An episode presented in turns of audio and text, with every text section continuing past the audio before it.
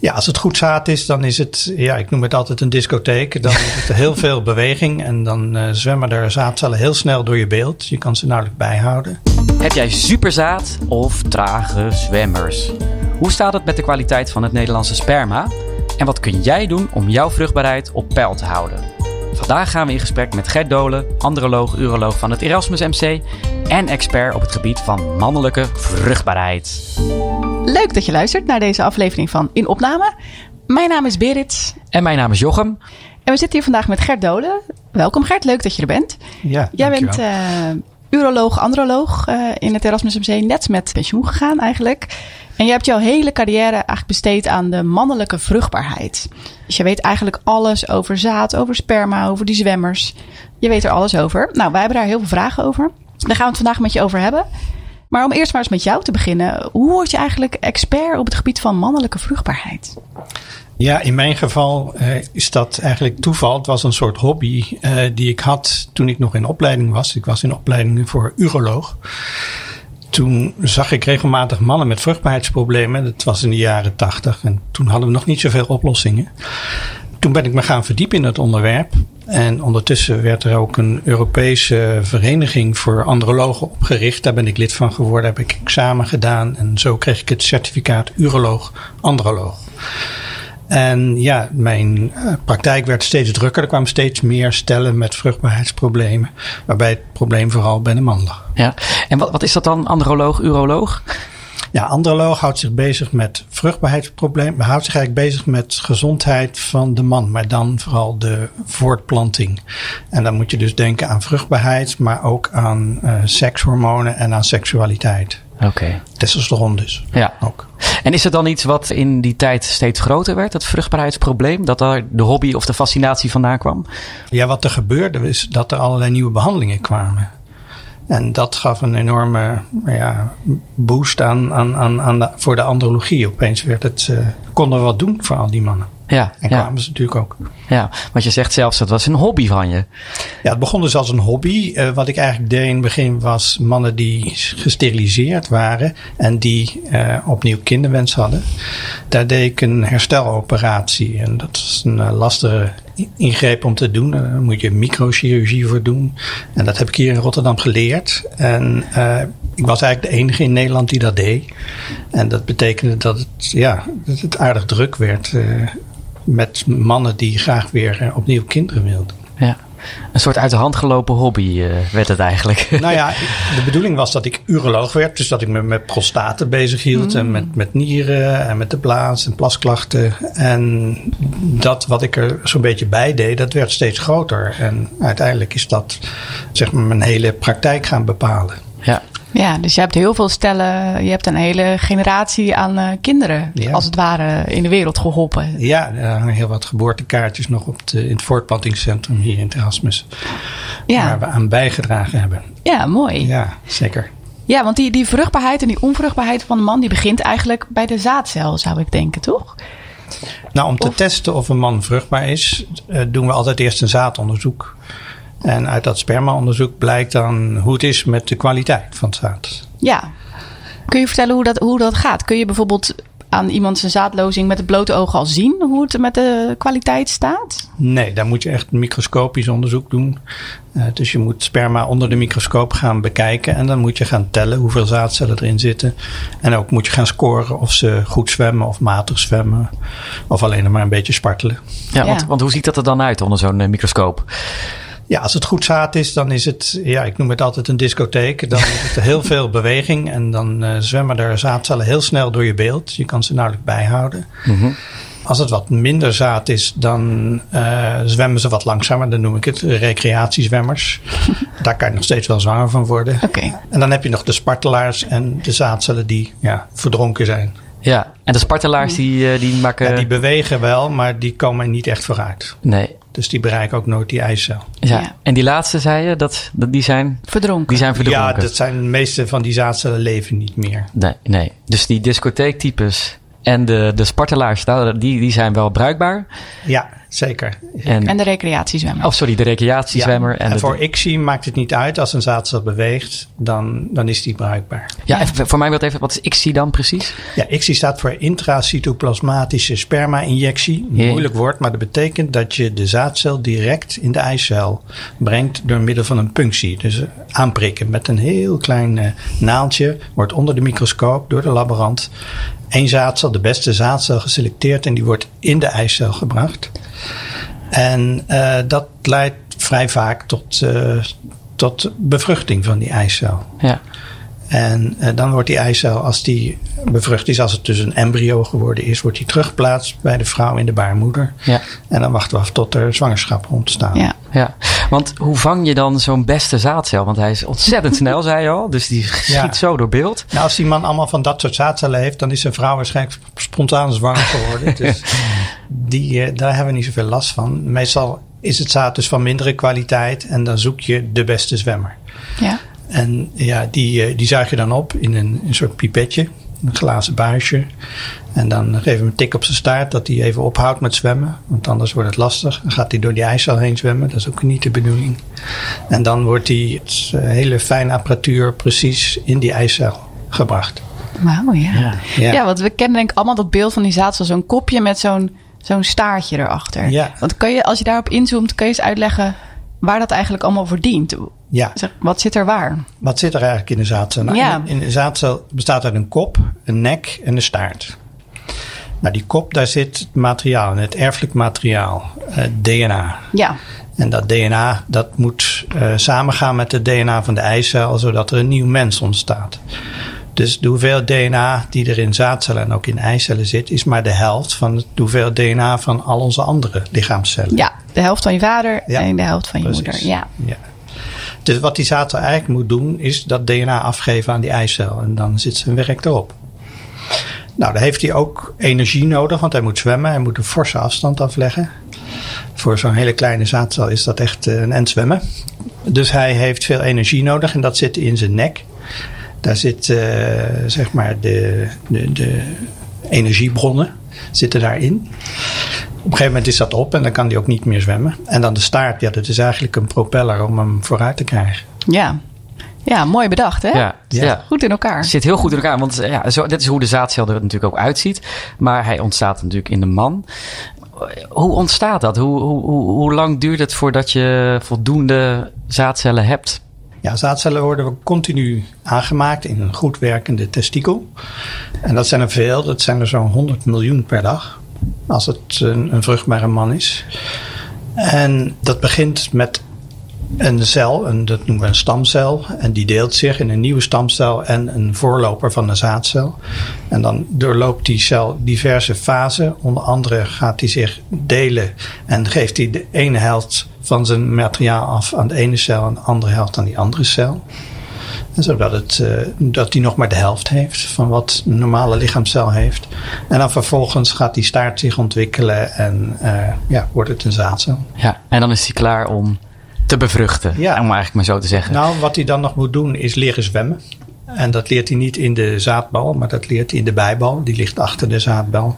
Daar zit hij zo'n twee, drie weken en daar haalt hij zijn zwemdiploma, zeg ik altijd. Oh ja? Ja, Oké. Dan is hij, daar, is hij daar al een beetje rond aan het zwemmen? Of, of- Eh, nee, er gebeuren er allerlei processen waardoor ja, hij, hij in staat is om, om te bewegen en, en ook om te zwemmen. En voldoende energie heeft om die, die reis te maken. Ja. En zitten ze daar, zitten ze dan als het ware te wachten totdat die man seks heeft en klaarkomt? Of hoe? Nee, na twee, drie weken dan zijn ze die, die bijbal zijn ze daar doorheen. En dan komen ze het begin van de zaadleider. En bij een zaadlozing wordt dat gedeelte wordt naar het sperma gebracht. Het sperma bestaat behalve uit zaadcellen ook uit vloeistof. En die vloeistof die wordt gemaakt in de zaadblaasjes. Die liggen weer achter de prostaatklier. Er wordt ook nog een beetje prostaatvocht bijgevoegd. En dat geheel, dat komt in je plasbuis terecht. En dat komt naar buiten als sperma. Als sperma. Ja, want is het nou ook zo dat eh, hoe meer sperma je per lozing hebt, hoe vruchtbaarder je ook bent? Ja, zeker. Eh, als je heel veel zaadcellen hebt, dan ben je zeer waarschijnlijk vruchtbaar. Anderzijds, als je geen zaadcellen hebt, dan ben je onvruchtbaar. En dan heb je ze misschien nog wel in je zaadbal en kunnen we daar nog wat aan doen. En ja, de meeste mannen hebben een gemiddelde hoeveelheid zaadcellen, maar de meeste mannen zijn wel vruchtbaar. Ja. Maar de, de, de lozing, zeg maar, dus de, het sperma zelf, zegt op zich niets, toch? Volgens mij over het aantal of de kwaliteit. Of is dat, uh, zit ik daar verkeerd? Oh, het aantal milliliters bedoel je? Ja, ja, ja. Hoeveel? De hoeveelheid. Oh, ja, Dat, dat zegt wel iets. Je moet tenminste 1 milliliter produceren. Want in die vloeistof, die zaadvloeistof, zit ook een, een buffer. Uh, want wat gebeurt met die zaadcellen? Die komen in de vagina terecht. Dat is een vrij zuur milieu. En daar kunnen de meeste zaadcellen niet goed tegen. Dus dankzij het feit dat ze in die vloeistof zitten, worden ze beschermd. En kunnen ze vanuit de baarmoedermond in de baarmoeder terechtkomen. Ja, dus als er te weinig vloeistof is, dan kan het zijn dat er te weinig buffercapaciteit is. En dat die zaadcellen al in de vagina het loodje leggen. Dus het is eigenlijk ook een soort bescherming. Ja. ja. Want dat is best wel gek, hè? Want het vrouwelijk lichaam houdt het ook een soort tegen. Of het is een, het is een zuur milieu, zeg je? Ja, in de vagina wel. Als ze eenmaal in de baarmoedermond terecht zijn gekomen, dan is het een zaadvriendelijk omgeving. Dus het is ook een manier om de beste zaadcellen te selecteren ja. op die manier. En wat is een zaadvriendelijke omgeving? Nou, dat, is, dat heeft dus met de zuurgraad te maken, maar dat heeft ook te maken met een aantal stoffen die voor die zaadcel van belang zijn. Onder andere fructose zit daarin, maar ook zink en selenium. Allemaal stoffen die hij nodig heeft en die hem beschermt tegen invloeden van buitenaf. Ja, ja. Dus er is dan een zaadlozing geweest, in de vagina gekomen en dan in de baarmoeder. Dan is hij er volgens mij ook nog niet, hè? Nee, wat ze eerst doen is naar de baarmoedermond gaan. En daar uh, zitten allemaal gangetjes in. En daar uh, blijven ze eventjes. En dan gaan ze stuk voor stuk de baarmoeder in. En blijven ze niet in de baarmoeder, dan gaan ze naar de eileiders. En in de eileiders gaan ze aan de wand, uh, kleven ze zich vast. En daar blijven ze een beetje, ja, ik zeg altijd chillen. Uh, totdat de ijsprong er is. Want als de ijsprong plaatsvindt, dan komt er ook een stofje vrij. En die komt ook in die eileider terecht. En dat is het teken voor die zaadcellen om als gekken te gaan zwemmen. Op zoek naar die eicel. Ik wou zeggen, hoe weten ze waar ze moeten zijn? Maar ze worden een soort ja, gelokt dus. Precies, met ah. een soort lokstof in. Dat is het eigenlijk. Dus ze zijn een beetje aan het chillen, een beetje aan het hangen. En dan in één keer is ja. daar het signaal van jongens... We moeten. We moeten. Ja. En ik ja. hoor wel eens dat, dat, dus da dat ze er dagen kunnen blijven zitten. Klopt dat? Uh, nou, na een zaadlozing heb je één à twee dagen de kans om zwanger te worden. Daarna okay. zijn die meeste zaadcellen zijn ze gewoon opgebrand, hebben ze geen brandstof meer en dan ga je niet meer zwanger worden. Maar je kunt dus wel zwanger worden als je je, je ijsprong hebt nadat je seks hebt gehad. Ja. Ja, dus je hebt wel een soort van window. Het hoeft niet precies getimed precies. te zijn. Ik zou altijd, het is voldoende om in de week dat je als vrouw een ijsprong hebt om uh, drie keer seks te hebben. Ja, nou, meteen een concrete tip. Dat is meteen een, uh, ja. ja. Dus drie keer. Het hoeft ook niet iedere dag. Dat denken mensen van, nou, als we maar heel vaak seks hebben, hebben we meer kans. Dat is niet zo. Nee, en dat is misschien zelfs juist een beetje nadelig, omdat je dan je ja, buffer verspeelt. Ja. ja, de zaadkwaliteit wordt wat minder als je heel vaak zaadlozing hebt. Ja, precies, want dan zit er minder in. Ja, die het lichaam, de testikels houden dat niet bij, hè, qua aantallen en qua uh, zaadvloeistof. Ja, dus wat, wat kunnen mensen dan het beste doen? Want ik denk dat veel mensen dat toch al willen weten. Als je ja. een kinderwens hebt. Ja, drie keer per week seks. In de week dat je de ijsprong hebt. En de rest van de tijd naar behoefte. Oké. Okay. Nou, knoop dat in de oren, zou ik zeggen. Ja. ja. Hey, als we het toch over getallen hebben. Ja. Dus misschien een mooi bruggetje naar onze Instagram poll. We hebben even aan onze volgers op Instagram wat vragen gesteld over zaad en over mannelijke vruchtbaarheid. We hebben ook wat open vragen die komen aan het einde van de podcast. De eerste vraag die we gesteld hebben is uh, hoeveel zaadcellen zitten er in één uh, zaadlozing of in één lozing sperma? Mensen konden kiezen uit 5000, 500.000, 60 miljoen of 100 miljoen. Nou, uh, 42% van de stemmers denkt dat het 60 miljoen is. Gevolgd door 34% die denken zelfs 100 miljoen. En dan 21% denkt uh, 500.000. En 5.000 denkt vrijwel niemand. Hm. Nou, Gert, geef ons het verlossende antwoord. Wat is het? Ja, gemiddeld is het 60 miljoen. 60 uh, miljoen. Dat, dat, is natuurlijk een gemiddelde. Dus er zijn ook mannen die hebben wel 100 miljoen. Maar er zijn ook mannen die hebben maar 30 miljoen. Of misschien soms nog wel minder. Maar gemiddeld in Nederland en ook in, over de hele wereld eigenlijk. Is het rond de 60 miljoen. Ja, en ik begreep ook dat er een nieuwe studie is. Uh, vers van de pers. Ja. Kun je daar iets over zeggen? Ja, we hebben al in 2016 gekeken hoe gaat het nou met de zaadkwaliteit. Omdat daar verschijnen steeds publicaties waarvan de ene publicatie zegt van ja, wordt duidelijk minder. En de andere zegt, nou, ik weet het niet, ik zie niet zoveel verschil. Dus we hebben ze allemaal op een hoop gegooid en uh, beoordeeld. En de beste studies eruit gehaald. En daaruit kwam dat er sinds de jaren 90, sinds we zaadkwaliteit eh, goed kunnen meten, er een duidelijke achteruitgang is van zaad. En recent hebben we ook gekeken naar hoe dat in andere delen van de wereld is, met name in Azië. En daar zien we hetzelfde fenomeen. Dus het is heel duidelijk dat de zaadkwaliteit ieder jaar afneemt. Ja, en dan in kwaliteit in hoeveelheid of ook in... Ook in aantallen. Als je bedenkt dat rond in de jaren 90 had de gemiddelde man 80 miljoen zaadcellen per zaadlozing. Oh. Nu is dat 60 miljoen. Eigenlijk is het na de laatste studie nog wat lager. We zitten nu rond uh, eh, 50 miljoen. Dus ze hebben 30 miljoen ingeleverd ja. in de afgelopen 30 jaar. Dat klopt. Laten we het daar zo even verder over hebben. Want we zijn wel benieuwd, hoe komt dat dan? Dan kun je daar wat aan doen. Maar laten we eerst even onze poll afmaken. De tweede vraag. We hebben wat stellingen voorgelegd ehm, over de vruchtbaarheid van de man. Uh, met de vraag, wat is waar? De eerste stelling is: een man van 18 is even vruchtbaar als een man van 81. De tweede stelling is: een strakke onderbroek is slecht voor de kwaliteit van je zaad.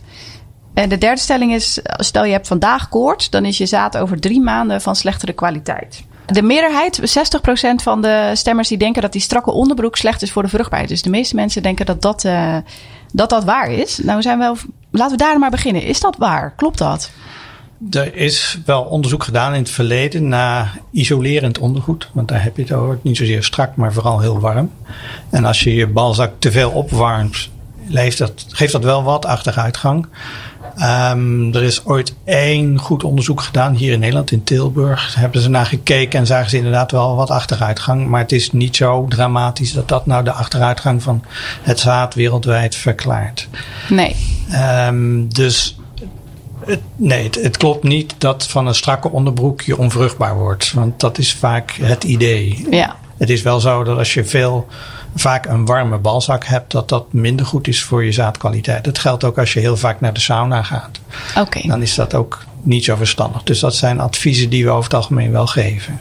Ja, maar dat, en dat is meteen ook het idee achter die koorts, denk ik. Hè? Als je, Hoe zit dat? Nou, als je koorts hebt, als je een keer flink de griep hebt, dan heeft dat invloed op je zaadkwaliteit. En dan zie je binnen een periode van drie maanden zie je de zaadkwaliteit opeens flink teruglopen.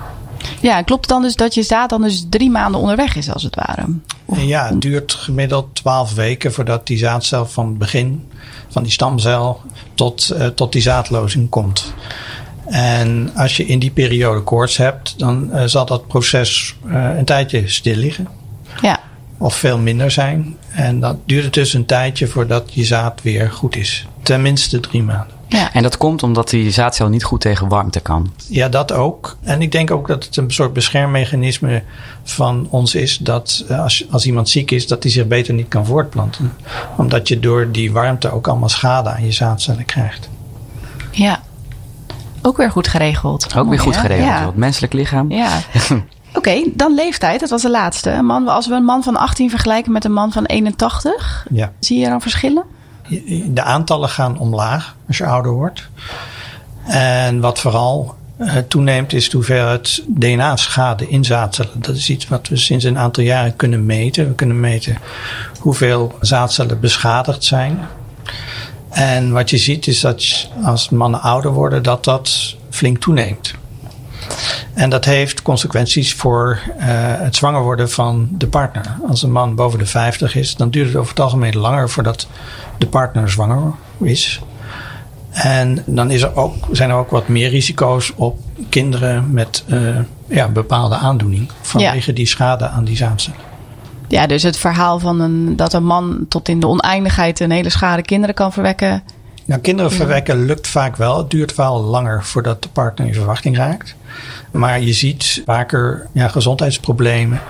Ook op latere leeftijd bij de kinderen van oudere vaders. Ja.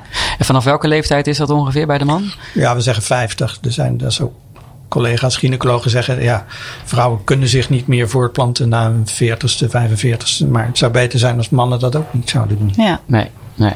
Oké. Maar overal, de, gewoon de strakke slip kunnen mannen gewoon zorgeloos dragen. Ja, nou ja, als je, als je, als je kinderwens hebt, is het misschien beter om, uh, om een boxer te nemen. Zou ik zeggen. Toch voor de zekerheid. Toch maar voor de zekerheid, want anders heb je dat op je geweten. Dat wil je natuurlijk ook niet. Ja. De laatste vraag die we hebben voorgelegd is: nou ja, hoe staat het met de vruchtbaarheid van de Nederlandse man? En mensen konden kiezen of die steeds beter werd, dat wij de beste van de wereld zijn. En maar veruit, uh, de meeste wisten het eigenlijk al. Bijna 90% geeft inderdaad al aan, of uh, heeft gestemd op dat het steeds slechter gaat. Ja. En dat klopt. Zijn wij daar uniek in in Nederland of is dat wereldwijd? Ja, dat is dus een wereldwijd probleem. We hebben eerst gekeken naar Europa, Noord-Amerika, Australië, omdat we wisten daar hebben, doen ze al vele jaren heel goed uh, onderzoek volgens uh, richtlijnen. Richtlijnen van de Wereldgezondheidsorganisatie. Dus die konden we mooi vergelijken. Uh, al die laboratoria. Recent, dus, dus een week geleden, is uh, een vervolgstudie gepubliceerd. Waaruit we ook gekeken hebben naar uh, Azië. Met name China, maar ook India. En daar zien we eigenlijk hetzelfde fenomeen. Dus ja, het is wereldwijd dat de zaadkwaliteit achteruit gaat. Ja, en is er één land waar, waarvan je zegt, nou daar is de zaadkwaliteit echt nog hartstikke goed? Of is Nederland, doet Nederland het heel goed? Maar Nederland doet het gemiddeld. En er zijn niet echt landen die er heel sterk uitschieten.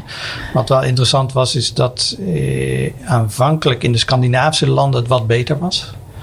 En toen zeiden ze vooral in Scandinavië, zie je wel, bij ons, uh, onze mannen zijn gezonder en we betere testikels. Maar ook daar zien we nu die achteruitgang optreden. Oké. Ja. En wat is er aan de hand, denk je? Hoe komt dat? Ja, dat kan je niet verklaren door iets erfelijks bijvoorbeeld. Want uh, genetische afwijkingen verspreiden zich niet zo snel door de bevolking. Dus er moet een, iets anders zijn, een omgevingsfactor. Ja. Het heeft te maken met stoffen in ons milieu die invloed hebben op onze testikels. En misschien ook de manier waarop wij leven. Waardoor onze zaadkwaliteit achteruit gaat. En kun je dat niet ook oh, zeggen, iets concreter maken? Wat zijn het voor stoffen? Wat voor dingen in ons leven zijn dat? Ja, waar wij hier in Rotterdam vooral naar kijken, dat zijn hormoonverstorende stoffen. Uh, die zitten in veel producten die we dagelijks gebruiken. Onder andere plastic, maar ook in pesticiden. Uh, in vlamvertragers, die zitten onder andere in je computer. Als je je computer aanzet, dan adem je die in.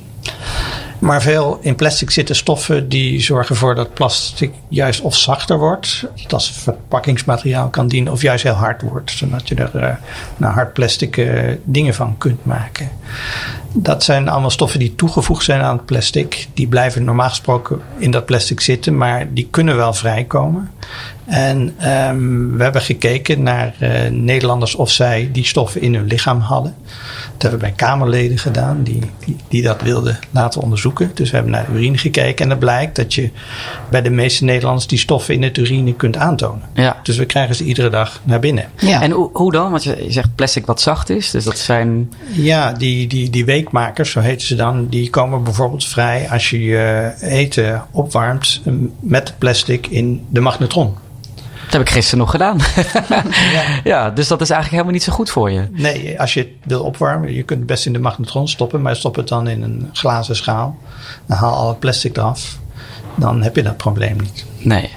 Maar er zijn veel meer van dat soort stoffen die, waar we dagelijks mee in aanraking komen. Parabenen, dat zijn, er ook, zijn ook hormoonverstorend. Die zitten vaak in cosmetica.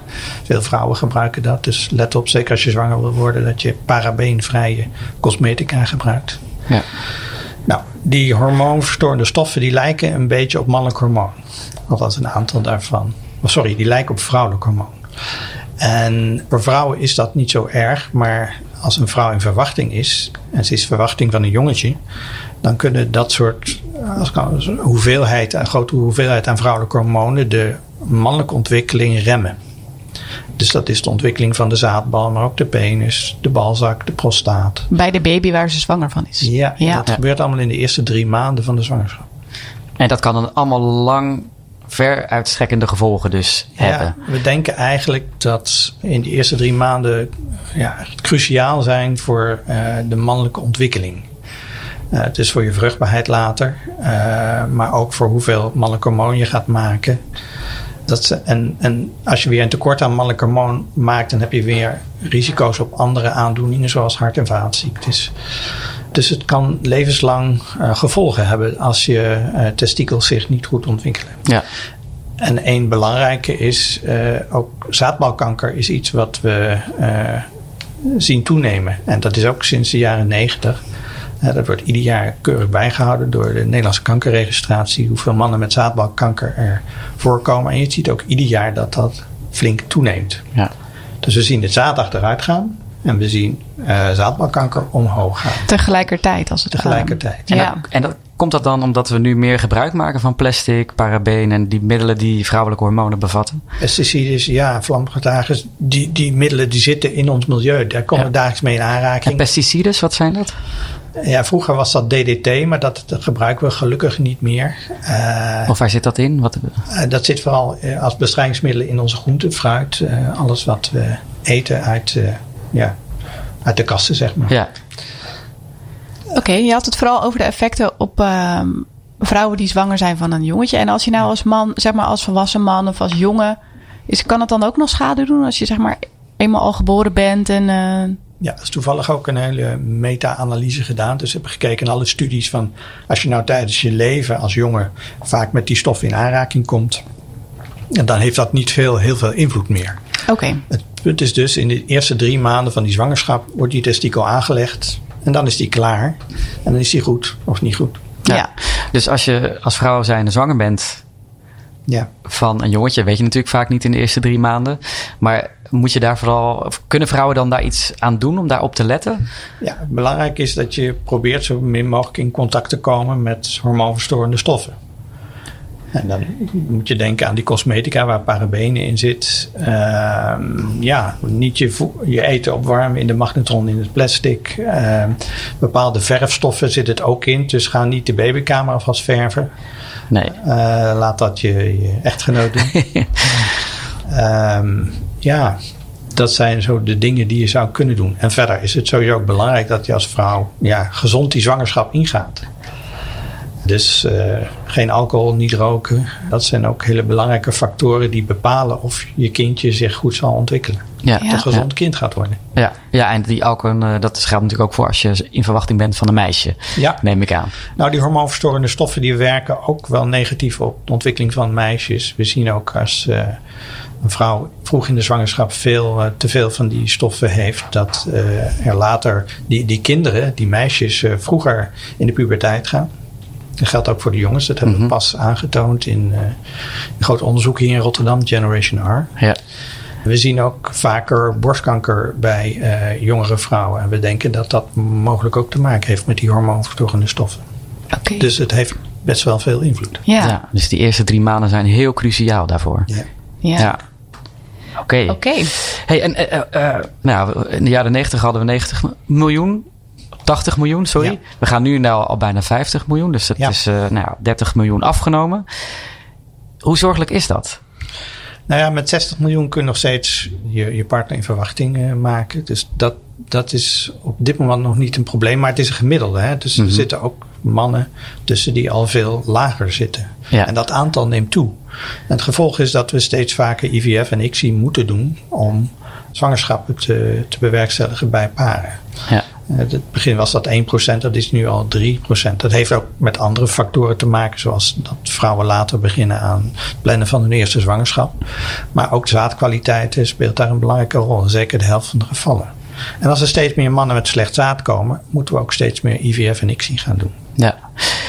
En is de verwachting ook dat deze trend zich uh, gaat voortzetten? Dus dat we dadelijk op de 10 miljoen zitten? We zien nog niet dat het afneemt. Maar we kijken dus ook naar het zaad van mannen die, die in zaad die zeg maar 20, 30 jaar geleden is aangelegd.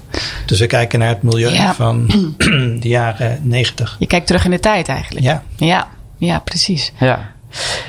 En is er ook iets wat de man zelf kan doen om de kwaliteit van zijn zaad te bevorderen? ja, belangrijk is gezond leven. Dat geldt zowel voor mannen als vrouwen. Dus niet roken, ah, heel zuinig met alcohol, hooguit één glas per dag. Zorg dat je gezonde voeding eet, waar voldoende vitamines en mineralen in zit. Ik geef vaak het advies om, zeker als, je, als jullie besloten hebben om in verwachting te raken, om iedere dag één vitaminepil, zo'n multivitaminepil te nemen. Die kun je gewoon bij de drogist halen. Hoef je niet speciaal voor naar de dokter. En er zitten alle vitamine in. Ja, daar zitten een aantal belangrijke stoffen in. Foliumzuur, styreen, zink, selenium. Dat, die zijn heel belangrijk voor de productie van zaadcellen. Dus als je daar voldoende van hebt, dan uh, zorg je in ieder geval dat nou, vanaf die kant eh, de uh, productie zo optimaal mogelijk is. Dus Oké.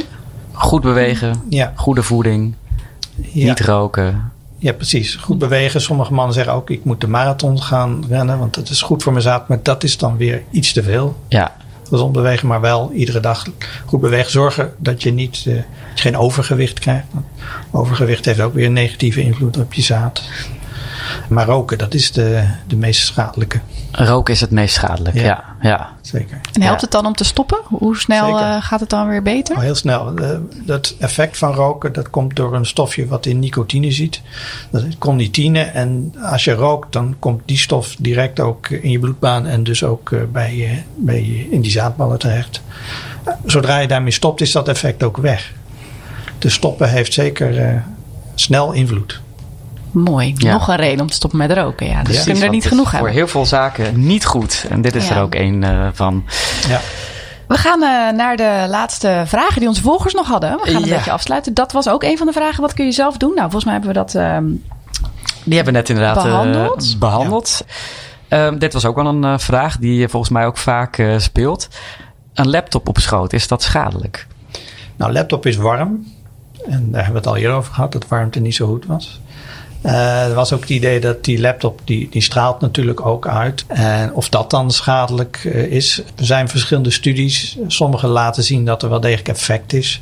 En andere juist weer niet. Dus het is een beetje onduidelijk of eh, laptop op schoot nou heel veel invloed heeft. Ik zou het in ieder geval niet te lang doen. Je kunt je laptop veel beter op je bureau zetten. Ja, net als een beetje met die strakke boxer. Van Nou, Ja. eh, Precies. voor de zekerheid maar even niet doen. ja. Nee, je moet ook weer niet denken, oh, dat is de oorzaak dat mijn zaad slecht Nee. is. Zo werkt het niet. Maar het zijn allemaal dingetjes die invloed hebben. ja. En het zal zeker niet helpen, Nee. denk ik dan. Er zal er niet beter van worden. Ja. Eh, deze vraag is, eh, eh, dus ook een goede vraag. Eh, zijn, er, ja, zijn de periodes afwisselend dat een man meer vruchtbaar is en minder vruchtbaar? Ja, we hadden het al over ziek zijn. Als je ziek, zijn, ziek bent, dan gaat je zaad achteruit. Nou, mensen zijn niet zoals eh, veel zoogdieren seasonal breeders. Eh, ze planten zich niet voort alleen in het voorjaar. Dat zie je bij, bij veel diersoorten zie je dat wel. Dat ze een groot deel van het jaar heel laag zitten in hun hormonen, in hun testosteron. En in het voorjaar, als de zon weer eh, terugkomt, dat opeens de hormoonspiegels omhoog gaan en dat ze op zoek gaan naar een vrouwtje. En dan, Ja.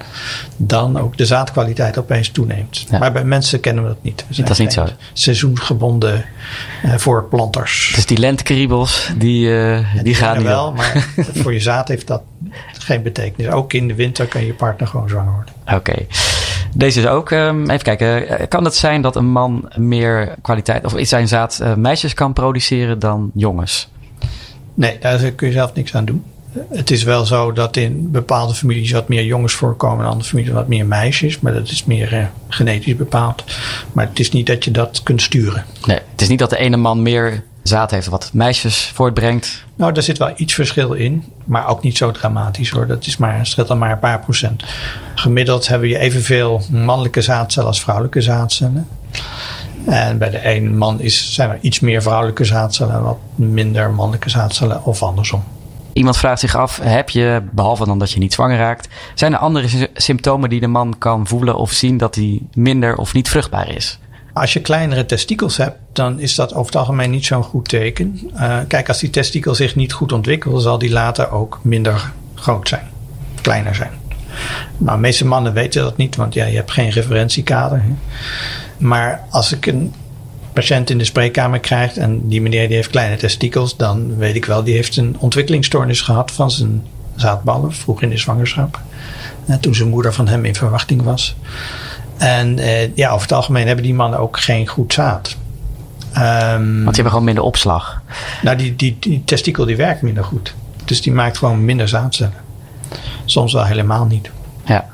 Ja, dus over het algemeen is er niet zo vreselijk veel waaraan je bij jezelf kunt merken. Behalve als je je, je vrouw of vriendin niet zwanger eh, krijgt. Ja, Dat het niet zo goed gaat met je ja, vruchtbaarheid. dat is gewoon het advies. Hè. Probeer het eerst een jaar.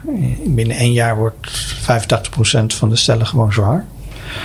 En als na één jaar nog geen zwangerschap is opgetreden, ga dan langs de dokter. En dan zal de dokter zeggen, nou, verstandig om ook even naar je zaad te kijken. Kijken hoe de kwaliteit is. Nou, volgens mij zijn we dan helemaal rond Volgens mij zijn we Alle maar rond. vragen beantwoord? Zeker, ja. Heel erg bedankt. We hebben weer ontzettend veel geleerd. Althans, ik dan. Ik weet ja, niet jij, eh, Nee, Berit. zeker. ehm, heel verhelderend. Dankjewel, Gert. Nuttige tips. Zeker, dankjewel.